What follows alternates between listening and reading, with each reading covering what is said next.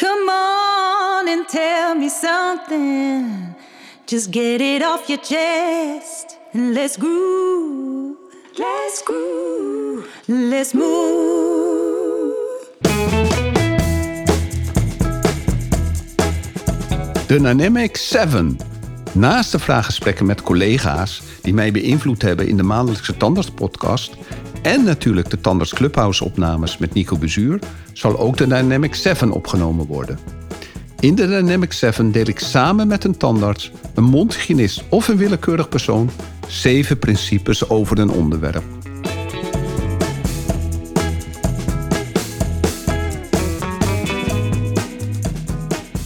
Vandaag in de Dynamic 7 is het onderwerp de zeven fouten die een tandarts niet moet maken.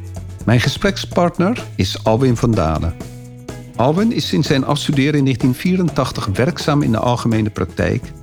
Hij richtte in 1990 Tendens Tandartsen op, een gedifferentieerde groepspraktijk in Amsterdam. Vanaf 2015 is Alwin erkend door de NVVRT als restauratief tandarts en door de European Prosthodontic Association. Daarnaast moet natuurlijk zijn succesvolle wedstrijdzeilcarrière zeker vermeld worden. En ik mag zelf vol trots vermelden dat ik onder kapitein Van Dalen heb gediend. Alwin, welkom. Hoi Ron, dankjewel voor de uitnodiging. Leuk om het hierover te hebben. Ja, het zijn altijd dingen waar we, veel, waar we het vaak over hebben. Hè? En dan kan je punt 1 noemen. Ja, punt 1 is eigenlijk een tip voor studententandheelkunde. Als je nog niet afgestudeerd bent. En dat is eh, werken in de horeca tijdens je studie. Dat is echt een fout. Dat is, dat is een gemiste kans. Is een gemiste Ja, kans. Ja, ja, ja. Ik heb het eerlijk gezegd ook wel gedaan tijdens mijn studie, werken in de horeca. Maar al snel eh, bedacht ik dat het slimmer was om eh, te gaan werken in een, eh, in een tandartspraktijk. Als assistent, als invalassistent. Dus tijdens mijn studie heb ik bij Frans Berghout geassisteerd en meegekeken over zijn rug.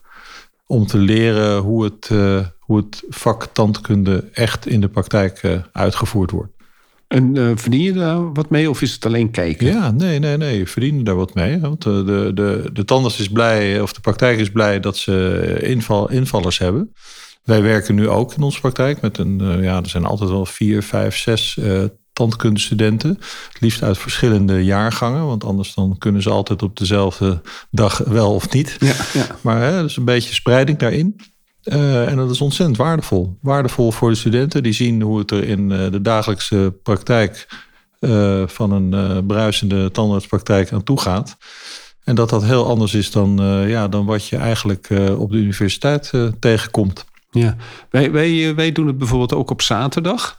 Omdat we toen met die eh, COVID hadden we best een eh, achterstand eh, met, de, met de controles en zo. En toen zijn we op zaterdag hadden we een groep van zes tandheelkundestudenten en drie mondhygiëne studenten. En dan werkte één tandarts met zes studenten samen om de, om de achterstand weg te werken. En dat, was, dat is natuurlijk heel handig. En daarnaast is het ook fijn als ze ook door de week kunnen. Op momenten, bijvoorbeeld als ik op maandagavond mijn orthodontie doe... dan is het heerlijk om nog drie kamers preventie te hebben. Als een kind gewoon vies, echt vies is... dat je meteen naar de preventie kan sturen. Dus dan hebben we gewoon eigenlijk drie, ehm, drie studenten klaarzitten... Of twee studenten. En dan worden ze meteen, zodra het nodig is, zodra de plek is, worden ze meteen behandeld. Dus het wordt niet gepland. Want dat eh, is vaak moeilijk hè, met de ortho's. Ja. Die, die komen de ene- keer een half uur te vroeg, de andere keer een half uur te laat. En eh, de ene keer wel en de andere keer niet. Dat, dat is nu helemaal zo met die, eh, met die pubers. En dat werkt bij ons wel heel erg goed. En ja, ze leren ongelooflijk veel natuurlijk. Ja, ja dat, dat te leren met, ja, met patiënten omgaan, met tijdsdruk. Maar daarnaast, als ze naast je zitten terwijl je met restauratieve werkzaamheden bezig bent, dan, dan leren ze ook op dat moment heel veel over, over het vak, zeg maar. Dat is, eh, ik denk dat beide aspecten wel belicht moeten worden. Ja, dat is waar natuurlijk. Het is, En het is niet alleen het vak, het is ook het communiceren van het vak. Allerbelangrijkste. Ja. Communiceren met de patiënt, keuzes maken, dat, eh, dat is nog het allerbelangrijkste. Keuzes maken. Wanneer ga je voor dit, wanneer ga je voor dat? Wat, welke materialen gebruik je daarbij? Hoe plan je dat? Hoe pak je dat aan? Het is, ja, het is heel veel omvattend. Ja, en ook als, iemand, als iets niet eh, eh, voorspoedig verloopt, wat er wel is gebeurd, hoe communiceer je dat en hoe ga, ga je daarmee om? Hoe en, los je het op? En hoe los je het op? Want je lost het altijd op. Ja, Altijd los je het op. Ja. Ontzettend leerzaam. Gemiste kans als je het niet doet. Ja, zeker. Twee. Ja, een beetje, eh, een beetje voortvloeiend uit, het, uit punt 1. Denken dat je uitgestudeerd bent als je afgestudeerd bent. Je bent nooit dan- uitgestudeerd, hè? Nee, nee. Nou ja, dat, ja, ik denk dat het nog zelfs wel wat verder gaat. Ik, ik maak me een klein beetje zorgen op dit moment over de opleiding eh, tandheelkunde in Nederland. Eh, niet zozeer over de goede bedoelingen, maar wel over de uitvoering, zeg maar. Hè, er is een enorm tekort aan, eh, aan patiënten en dus patiëntenbehandeling tijdens de studie. Het, is een, het is toch een vak eh, waarbij je moet leren, handvaardigheid. eh, nou, en eigenlijk alle punten die we net opnoemden die moet je toch tijdens het praktisch handelen leren, zeg maar. En het wordt nu toch een klein beetje een eh, hele theoretische studie. Met ontzettend weinig contacturen met patiënten. Waar ik tel daar even virtuele behandelingen op een hypodont niet mee. Waardoor eh, zeg maar afgestudeerde tandartsen nauwelijks enige ervaring hebben in het behandelen van patiënten. Dus eh, ja, ze zullen eh, heel veel kennis en kunde vooral uit aanvullende scholing moeten, moeten gaan halen. En daar moet je eigenlijk op dag één na je afstuderen mee beginnen. Dus gaan kijken wat je, waar je wat kan gaan leren, zal ik maar zeggen. En dat is niet op congressen, maar dat is echt cursussen, hands-on cursussen, dat soort, eh, dat soort dingen. Waar je, eh, waar je het vak leert. Ja. En ehm, denk je dat ze ehm, op dat moment kunnen aanhaken? Ik ben bijvoorbeeld nu, eh, gisteren heb ik drie dagen Spark gedaan. Hè? Dat is een beetje de Invisalign eh, van, de- van Ormco. Ik heb natuurlijk een, eh, meer dan twintig jaar ervaring in de, in de ortho. Dus ik snap beter wat er gebeurt. Maar er waren ook wat jongere tandartsen. En dan zit ik echt te denken, kunnen ze wel aanhaken? Ja, Van ortho, de- ortho is een lastige. Ortho is een lastige. Ik bedoel, toen ik afstudeerde, wist ik niets van ortho. Zeg maar. Dat werd echt eh, verre gehouden van de tandheelkunde student. Ortho was iets dat je verwees naar de orthodontist, zeg maar. Dus toen ik net afgestudeerd was, dacht ik van oké, ik ga eh, eh, patiënten, volwassen patiënten behandelen met ortho, preprothetische ortho. Daar had ik over gelezen en gehoord op congressen. En het bleek dat, eh, dat ik naar niemand kon verwijzen in Nederland, naar orthodontisten. Dat deden ze niet. Dat deden ze niet. En dat konden ze ook niet. Eén, ja, ik ken de ene uitzondering, dat was Sandy van Teesten. Ja. Daar, werk, daar werk ik nu al 30 jaar mee samen ook. Maar, maar eh, over het algemeen hoorde je van ja, we hebben onze handen vol aan het behandelen van kinderen. Eh, volwassenen, dat, eh, dat eh, los je zelf maar op. En plus dat het toch ook weer overleg was, hè? Ja, Dan. Want volwassenen, als je naar de ortho stuurt, dan heb je overleg nodig. En daar hebben ze niet altijd zin in. en een plan. En een plan. ja. Ja. Dus eigenlijk door ja, noodgedwongen heb ik me toen zelf ben ik me gaan verdiepen in orthodontie, cursussen gaan volgen, et cetera. En ja, ik denk niet dat er ontzettend veel veranderd is in die 35 jaar wat dat betreft. Ik Nee. denk dus als je nu afgestudeerd bent en je wilt iets weten over preprothetische orthodontie, orthodontie Ja. bij volwassenen, dat je dat zelf, eh, zelf zou moeten gaan, Ja. eh, gaan halen ergens. Ja. ja. Heb je het gevoel trouwens dat, eh, dat, dat het in Nijmegen of Amsterdam anders is dan in Groningen of vice versa? Weet ik niet. Kan ik moeilijk over oordelen. Ik, ik, eh, je hoort natuurlijk dingen en je, en je kent wel langzamerhand natuurlijk mensen uit de universitaire wereld, eh, zowel uit Nijmegen als Groningen als Amsterdam. Dus je ziet de positieve en minder positieve kanten van elke opleiding wel voorbij komen. Eh, maar ja, als standaard studeer je natuurlijk af aan één universiteit. In Ja. het algemeen. En Ja. dat, dus, dus je mist altijd op één of meer vakgebieden ga je wat dingen missen, zal ik maar zeggen. Bij de ene universiteit zal de implantologie beter geregeld zijn. Bij de andere universiteit de parodontologie. En bij een derde leer je meer over restauratieve tandheelkunde wellicht. Maar mij bekruipt een beetje het gevoel dat vooral door het tekort aan eh, praktische uren op alle drie de opleidingen dat, eh, dat een probleem is. Ja. En ik snap niet zo goed waarom het niet opgelost kan worden. Want ik denk dat het altijd oplosbaar is, maar het heeft altijd met geld te maken. Mhm. En zeg je dan als, we die, eh, als je als beginnend tandarts, zeg je dan, eh, pak van alles wat? Of zeg je van oké, ik vind ortho leuk, specialiseer je in ortho. Of ik vind uh, restauratief leuk, ga je meer... Of vind je gewoon de hele, de hele pizza niet een partje ervan pakken? De eerste vijf tot tien jaar van je werkzaam leven zal je op elk gebied moeten, moeten verdiepen, zeg maar. En je moet van alle deelgebieden van de tandheelkunde moet je, moet je voldoende afweten, moet je voldoende kunnen. En ik denk dat je pas na een jaar of tien uh, dat je kunt zeggen van oké, ik ga me nu echt meer verdiepen in de endodontologie en kan je een opleiding endodontoloog eh, doen of ik ga me nu meer richten op de implantologie, hè, ik noem maar wat. Denk dat je daar heel ruim de tijd voor moet nemen. Want anders uh, loop je het gevaar dat je van één ding heel veel afweet, maar daar toch met een soort tunnelvisie naar kijkt en eigenlijk niks afweet van de randgebieden eromheen. Ja, dat is een beetje ook een stokpaardje hè, van jou dat je zorgen maakt om dat mensen te, te veel tunnelvisie hebben. Ja. Dat ze te, weinig, te veel van de implanto weten en dan ook bij die 4-1 de, de, de, het implantaat plaatsen, niet de etsplug. Ja, een beetje dat als je enige gereedschap een hamer is, dat je alles als een spijker ziet, zeg maar. Ja. ja. Drie. Ja, ook dat sluit daar weer een klein beetje op aan. werken, tandheelkundig werken, zonder een plan. Oké, leg eens uit. Ja, tand voor tandheelkunde, uh, piecemeal dentistry, zoals dat in, in Amerika noemen. Uh, je ziet een probleem, er zit een stuk van een kies afgebroken en je gaat het repareren. En je, nou, je pakt de spullen uit je laadje en een tray en je gaat, uh, je gaat die kies repareren zonder je te bedenken waarom is die kies afgebroken? Wat is er daarvoor al gebeurd in die mond? Uh, gaat wat ik nu ga repareren, gaat dat helpen? Dus geen plan. Bij ons komt iedereen die binnenkomt, klein, groot, jong, oud, uh, gaan we eerst een intake doen waarbij gekeken wordt naar hoe staat het gebied ervoor? Wat is de prognose voor de komende 20, 30, 40 jaar?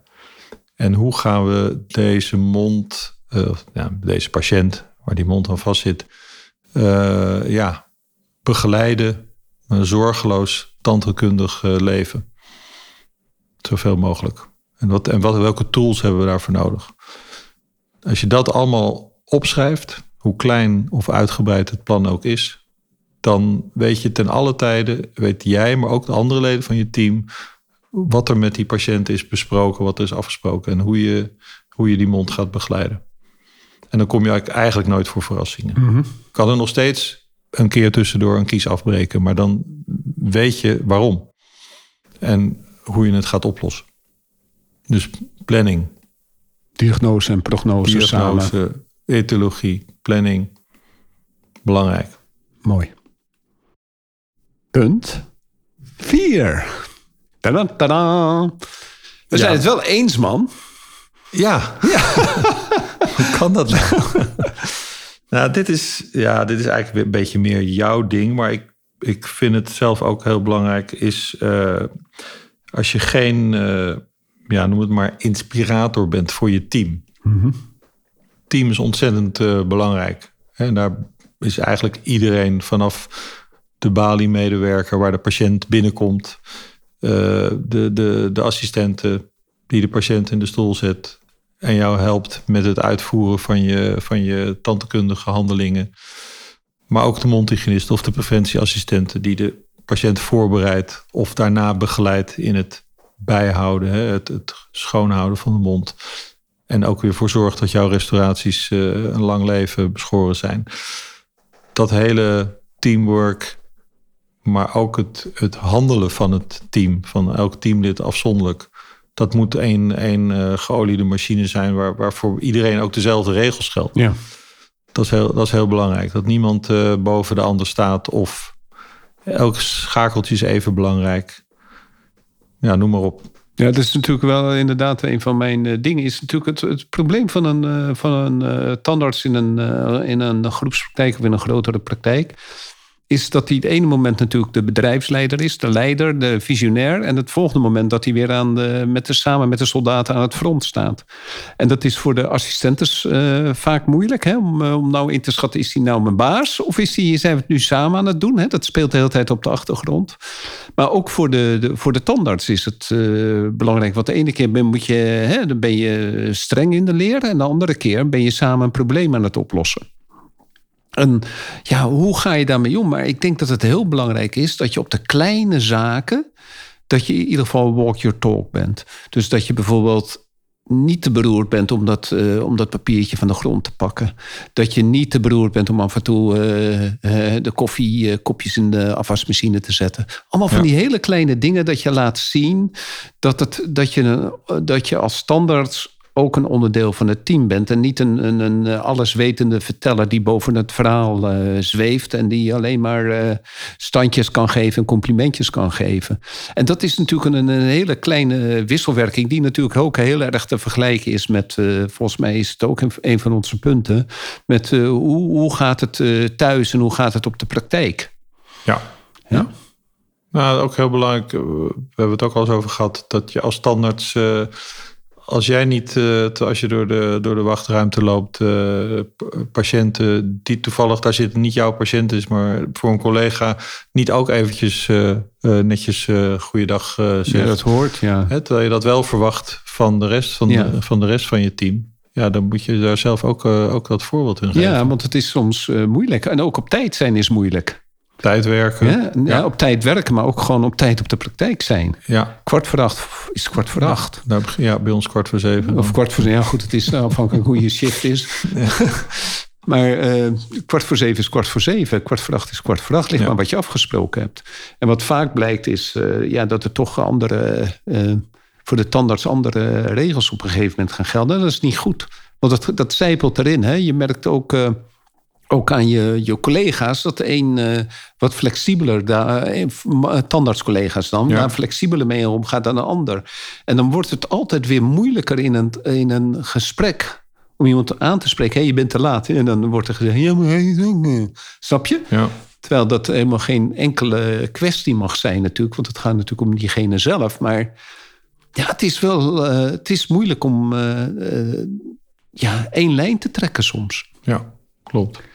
En daar gaat het wel om. En je, je, je, je merkt aan allerlei punten ook uh, aan, je, aan mijn eigen opvoeding, bijvoorbeeld naar, de, naar mijn eigen kinderen toe, dat je soms wel de, de afspraken die je gemaakt hebt, soms wel een beetje opgerekt worden. Hè? Of uh, je bent om één uur thuis en dan zijn ze om half twee thuis en is niet gebeld. Dan is het elke keer toch wel weer een gesprek van: hé hey, jongens, we hadden wat afgesproken. Ja. En elke keer, en dat is wel vermoeiend. Jawel, maar die herhaling die zie je ook in de praktijk, zeg maar. Hè? Bij de mondhygiënistes en uh, preventieassistenten die wel eens moe worden van het steeds maar weer moeten herhalen van diezelfde boodschap. Ja, natuurlijk. Van hoe, uh, hoe je je gebit uh, onderhoudt, zeg maar, hoe je, hoe je de reiniging doet. Dat dat niet altijd even goed overkomt. Ja, dat is de herhaling, daar zit de kracht vaak, zeg maar, om toch we hameren daarop. Want ja. ja. blijf toch maar gewoon wel die instructie geven. Blijf het maar gewoon doen. Op een gegeven moment dan, uh, dan blijft wel iets hangen. Maar zorg er dan ook voor dat je als standaardsleider... dat je ze ook de credits geeft. Ja, ja. ja. En dat ze niet... Uh, dat uh, onze preventieassistenten en onze mondhygiënistes niet als een eilandje, hè, want het, vaak hebben zij geen assistentes, dus uh, ze zijn vaak een eenzaam eilandje, dat je ze dus ook de credits geven. Want uh, soms kan zo'n hele praktijk uh, om hun heen uh, op een bepaalde manier functioneren. En zij werken gewoon dan op een bepaalde manier door. En dan hebben ze alleen even contact met de, de andere mensen tijdens hun pauzes. Hè? Ja. Dus ja, die, ja, terugkoppeling, is, die terugkoppeling is heel belangrijk. Van de effecten van, van hun behandeling. Dat kan je bijvoorbeeld wel bij een periodiek mondonderzoek doen... wat je in de, in de stoel doet. Ja. dat je ze daar ook het compliment geeft. Ook de patiënt compliment geven. Het mooiste is als een patiënt uh, ervaart van... hey, dit is echt een team wat hier aan het werken ja. is, zeg maar. En sommige patiënten, hè, dat is dan ook leuk... die spreken zich daar dan ook over uit. Zo van, ja. Ja, je bent wel echt als een team uh, bezig. Als je, dat, als je dat hoort van een patiënt... Dan, is het goed. dan weet je eigenlijk dat je goed bezig bent. Ja. Vijf. Ja, dat is ook een, een ding. Um, one issue. Een one issue tandarts zijn. Een one issue tandarts? Ja. Dat is een grote fout, denk ik. Ik denk dat dat niet goed is. Ehm, en je moet altijd je moet, moet oppassen voor dat je niet in bepaalde dogma's uh, vervalt, zeg maar, of blijft, blijft hangen.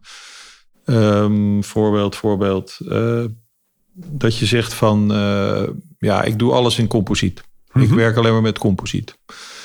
Uh, maar andersom kan het natuurlijk net zo goed zijn. Dat je zegt van ik doe uh, composiet werk niet. Ik werk alleen maar met indirecte restauraties. Ik doe alles indirect. Of ik werk alleen maar met implantaten. Elk verloren element vervang ik door een implantaat. Ja. Altijd. Hoe ingewikkeld ook. Of hoe misschien een slechte prognose het ook heeft. Ik probeer het toch. Terwijl er zoveel andere dingen zijn. Andere mogelijkheden om naar uit te werken of uit te wijken. Maar die moet je dan wel in je, in je armamentarium hebben zitten. Die moet je wel kunnen. En open voor staan, zeg maar. Dus dat is denk ik belangrijk dat je binnen één mond uh, meerdere oplossingen ziet. Zeg Ja. maar, die niet, waarvan de een niet per se beter of slechter is dan de andere. Ja. Maar, die, eh, maar een eh, specialist, een endodontoloog, die mag toch een one-issue standaard zijn? Nee, Ook niet? Nee, ook niet. Nee. Ik heb altijd samengewerkt met, uh, met mensen, eh, specialisten, die ten eerste ook verstand hadden van de rest van, van de mond, van het vak. Maar ook uh, open stonden, zeg maar. Ik vind het fijn als een, als een uh, endodontist bij een verwijzing zegt van... Uh, goh, heb je er ook wel aan gedacht dat we hem eventueel kunnen extraheren... en een implantaat kunnen plaatsen? Mhm. Want ik kan die endo wel doen, maar als, uh, als ik die endo gedaan heb, weet ik nog niet of daar ook een goede restauratie op gemaakt Ja. kan worden. Alwin, we zijn alweer bij punt 6. Ja, ja dat is ook een mooie. Uh, denken voor de patiënt, Oké. hadden we bedacht. Denken voor de patiënt, dat is, een, een, een, eh, dat is op een heleboel vlakken eh, dat dat speelt. Hè? Een van de, de grootste fouten die je als standaard kan maken, dat je zelf in kan schatten wat een patiënt over heeft voor zijn behandeling. Ja. Of twee, of de patiënt het wel kan betalen, wat Ja. jij voorstelt. Wat hij dus- zich kan veroorloven. Ja. Maar ook wat zijn wensen zijn. Hè? Ja. Want uh, ja, je kan wel bedenken dat je een heel uitgebreid plan uh, wil gaan maken. En sommige mensen kunnen het zich wel veroorloven, maar hebben er helemaal geen trek in. Die willen eigenlijk een simpelere, zo simpel mogelijke oplossing. En omgekeerd zijn Ja. mensen die, ja, die willen het meest uitgebreide en fantastische behandelplan. Maar hebben nooit nagedacht over de, over de kosten die daar vastzitten. En vaak wordt daar ook door de tandarts een beetje omheen gedraaid. Zo van ja, we maken een mooi plan, dit en dat. En durven eigenlijk niet. Ik vraag als eerste aan de patiënt: uh, dit gaat u ongeveer zoveel kosten. Kunt u dat, uh, heeft u dat ervoor over? Kunt u zich dat veroorloven? Mhm. Want anders hoef je niet eens uh, aan het plan Zonder van de over tijd na te denken. Te van gaan jou, beginnen. maar ook van de patiënt. Ja, ook van de patiënt. Want de patiënt maakt zich blij. En Ja. die, eh, dan is het heel teleurstellend. Dus hoe vervelend het ook is, je zult bijna als eerste over de kosten moeten beginnen. Ja. Bij een wat uitgebreidere restauratieve behandeling. Hè. Ik bedoel, als je het over één of twee vullingen hebt en iemand is aanvullend verzekerd, dan is dat allemaal niet zo'n probleem. Dan, dan is dat vaak tientjes kwesties. Maar gaat het om een wat uitgebreider probleem, dan zul je al heel snel daar, uh, daar aandacht voor moeten uh, geven. En zeker niet van tevoren denken, uh, deze patiënt die zal dat wel niet willen of die zal dat wel niet kunnen betalen. Want dat is ook een, uh, een gevaar wat op de een loer groot ligt. gevaar. De, wat, wat, wat ik uh, dan gebruik, dan, uh, dan is het vaak de, um, van Cialdini, hè, van wat doet de peer group? Dan zeg ik vaak van, vorige week had ik een patiënt die ongeveer te vergelijken was met u. En dan waren de kosten tussen de, of de investering moet je zeggen, Ja. het was tussen de 8000 en de 17.000 euro. Een mooie spreiding. Maar dan geef je ook aan dat je geen oordeel hebt. Ja. Dan heb je het over iemand anders, dan heb je het over een peer group. Ja, ah, en dan wel, kan je ja. daarna kan je zwijgen. En dan kan je daarna, eh, dan, dan hou je je mond en dan laat je het bezinken. Ja. En omdat je het laat bezinken, dan, want wij weten op dat moment niet wat die patiënt denkt bij 8000 of 17.000 euro. Die denkt, Amahula, mooi Ja. niet, die vent is gek. Of die denkt van, Oh, valt me mee. nou, het is wel veel, maar ehm, ik krijg, ik heb die erfenis, die krijg ik binnenkort. Of, eh, nou, ik heb iets afgesproken met mijn, eh, met mijn vader, dat het mocht, Ja, hè, ja. dat het belangrijk voor me was.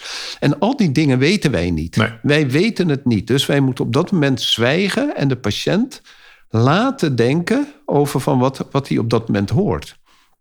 En dan kan je hoogstens op een gegeven moment zeggen, als het zwijgen te lang duurt, van verrast u dat? Ja. Ja, dat is mooi, ja. Ja. En het is wel zo, dat, dat heb je eenmaal commitment, zeg maar, over, eh, over het plan, over kosten, dat je dan ook moet proberen uh, stick to the plan, zal ik maar zeggen. Kan je dat, uitleggen?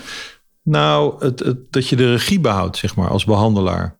Het kan natuurlijk ook zijn dat op een gegeven moment het, het meedenken van de patiënt de overhand gaat krijgen. En dat, is, eh, dat zie ik wel eens bij ons in de praktijk, bij toch wat onervarene collega's, dat ineens ergens halverwege het plan, het duurt te lang, of het, dat, dat er ineens weer corners ge- afgesneden worden, zeg maar. En wat voor gebied dan? Ja, dat kan zijn eh, met bijvoorbeeld preprothetische ortho. Er is afgesproken dat er orthodontie nodig, nodig is. En ineens wordt dat, die stap overgeslagen. Oké. En dan niet eens over de, om de kosten, maar ja, de tijd. dat is dan ter sprake gekomen. Van kan het ook sneller? Of eh, volgend jaar trouwt mijn dochter, dan die, moet het af zijn. Ja, en ik vind dat je als standaard dan op een gegeven moment moet zeggen... nee, dat heeft een bepaald doel. Dat, eh, dat- we streven naar een bepaald resultaat, een bepaalde kwaliteit. En daar hebben we dat voor nodig. Punt. En als die kosten dan geen probleem zijn... dan moet je ook je aan dat plan houden. En het ook gaan, zo gaan uitvoeren. En niet weer allerlei andere argumenten naar boven laten borrelen... waar je dan te veel in meegaat. Ja. Dus dat, is, eh, dat, dat zit daar een beetje eh, in datzelfde punt Ja. vast. Ja. Maar het, het- het is een van de, de moeilijkste dingen. Ik gaf laatst een cursus en eh, toen kwam dit ter sprake. En toen ben ik de, de, de twintig mensen afgegaan. En dan moesten ze zeggen wat hun duurste behandeling is geweest. En waar hun moment zat dat ze eigenlijk vonden dat ze dat niet konden vragen. En dan waren een aantal mensen die hadden 750 euro opgeschreven. En toen vroeg ik aan die jongen van, maar hoe duur, hoeveel heeft jouw stereo-installatie gekost? Toen zei hij, ja, het was 2600 euro. En toen zei ik, maar dat betekent dus dat jouw stereo-installatie vier keer zoveel waard is dan jouw eigen werk. Ja. En daar zit altijd, je onthoudt je patiënt wel, als je denkt voor de patiënt wat hij voor zijn tandheelkunde over is, dan vind ik vaak dat je mensen ehm, iets onthoudt. Ja, klopt. Laatste punt. Laatste punt, punt Zeven. zeven. Ja, dat is eigenlijk eh, eh, wat minder met uh, tandheelkunde te maken, maar eigenlijk denken dat je je werk en privé gescheiden kunt houden. Kan echt niet. Nee, Dat kan echt niet. dat is een valkuil waar, eh, waar veel mensen in, in lopen, denk ik. Werk en privé eh, zijn altijd, altijd, altijd verweven. Als het, als het thuis niet goed gaat en je komt met een knoop in je maag op je werksmorgens, dan kun je nooit goede tand kunnen doen op dat moment.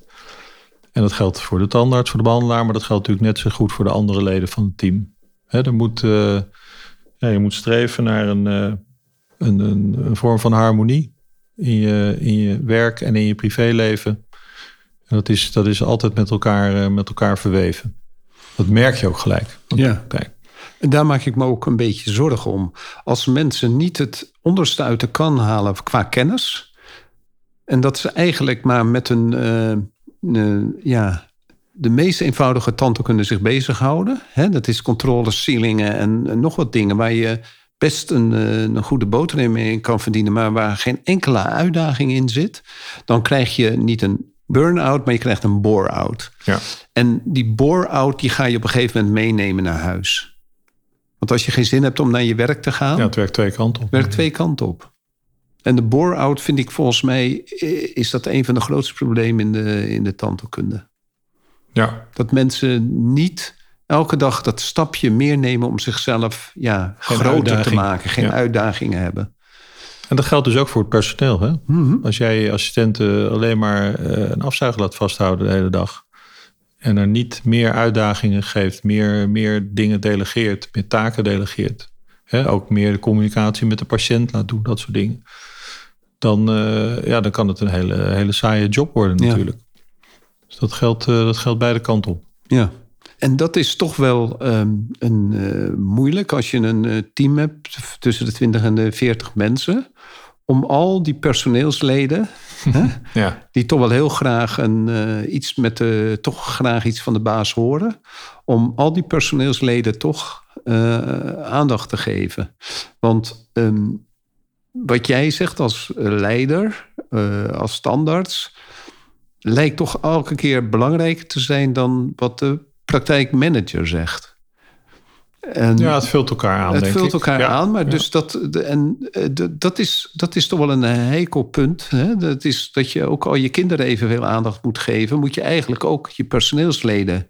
Ja, daar is ook niet altijd tijd voor. hè. Dus- zeg maar. Ja, Tijdens de behandeltijd is daar eh, eigenlijk geen, geen tijd voor. Dus dat moet, in, ja, dat moet toch in die, in die uurtjes, eh, minuten daartussendoor, zeg maar, in de pauzes, eh, tijdens praktijkuitjes.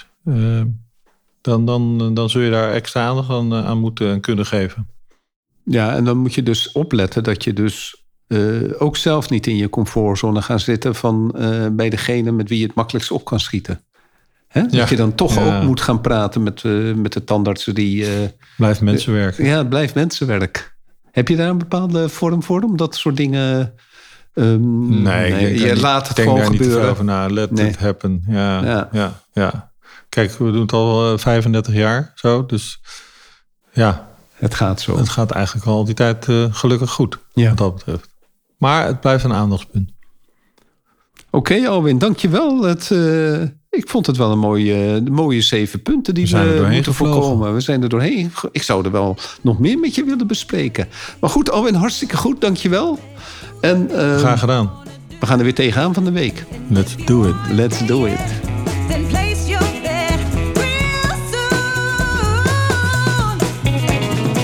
Super dat je weer luistert naar een aflevering van de Tandartsvrijheid en Meesterschap podcast. Ik zou het zeer op prijs stellen als je een review achter zou laten. Je kunt je ook abonneren op deze podcast. Klik dan in de podcast-app op de button subscribe en je ontvangt automatisch een berichtje bij een nieuwe aflevering. Ken je iemand die deze podcast ook leuk zou vinden? Deel deze dan. Via Spotify kan je dat heel simpel door op de drie puntjes te klikken en te delen. Je kan mij ook bereiken via mijn LinkedIn-account. Ik ben te vinden onder mijn naam Ron Steenkis. Nogmaals, dankjewel en tot de volgende keer.